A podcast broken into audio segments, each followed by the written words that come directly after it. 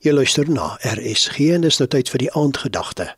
Dit word vanaand aangebied deur Elise Potgieter van Pretoria.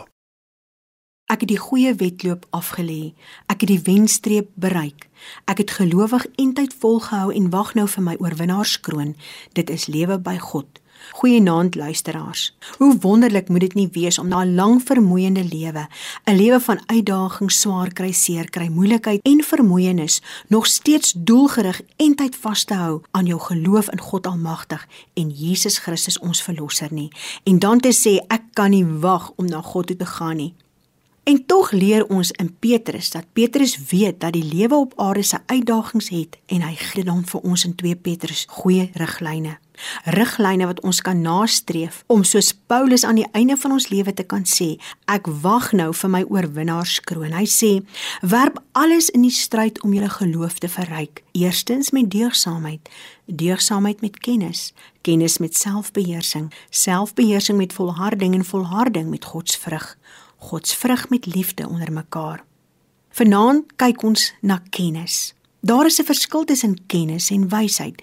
Kennis wat van God afkom, gee ons die nodige feite wat God wil hê ons moet hê in 'n gegeewe situasie. Wysheid verduidelik weer vir ons wat om met die feite te doen. Nou 'n goeie voorbeeld kry ons in Handelinge 4. Ananias en Safira het 'n stuk grond gehad wat hulle besluit het om te verkoop en die hele wins vir die gemeente van Juda te gee. Maar intussen het die twee besluit om net 'n gedeelte van die geld vir die gemeente te gee. Sou hulle van die begin af eerlik gewees het oor die besluit, sou daar niks van gekom het nie, maar as ware het hulle vir God gelieg. Dis toe dat God Almagtig vir Petrus die kennis gegee het om te weet dat hulle nie die waarheid gepraat het nie.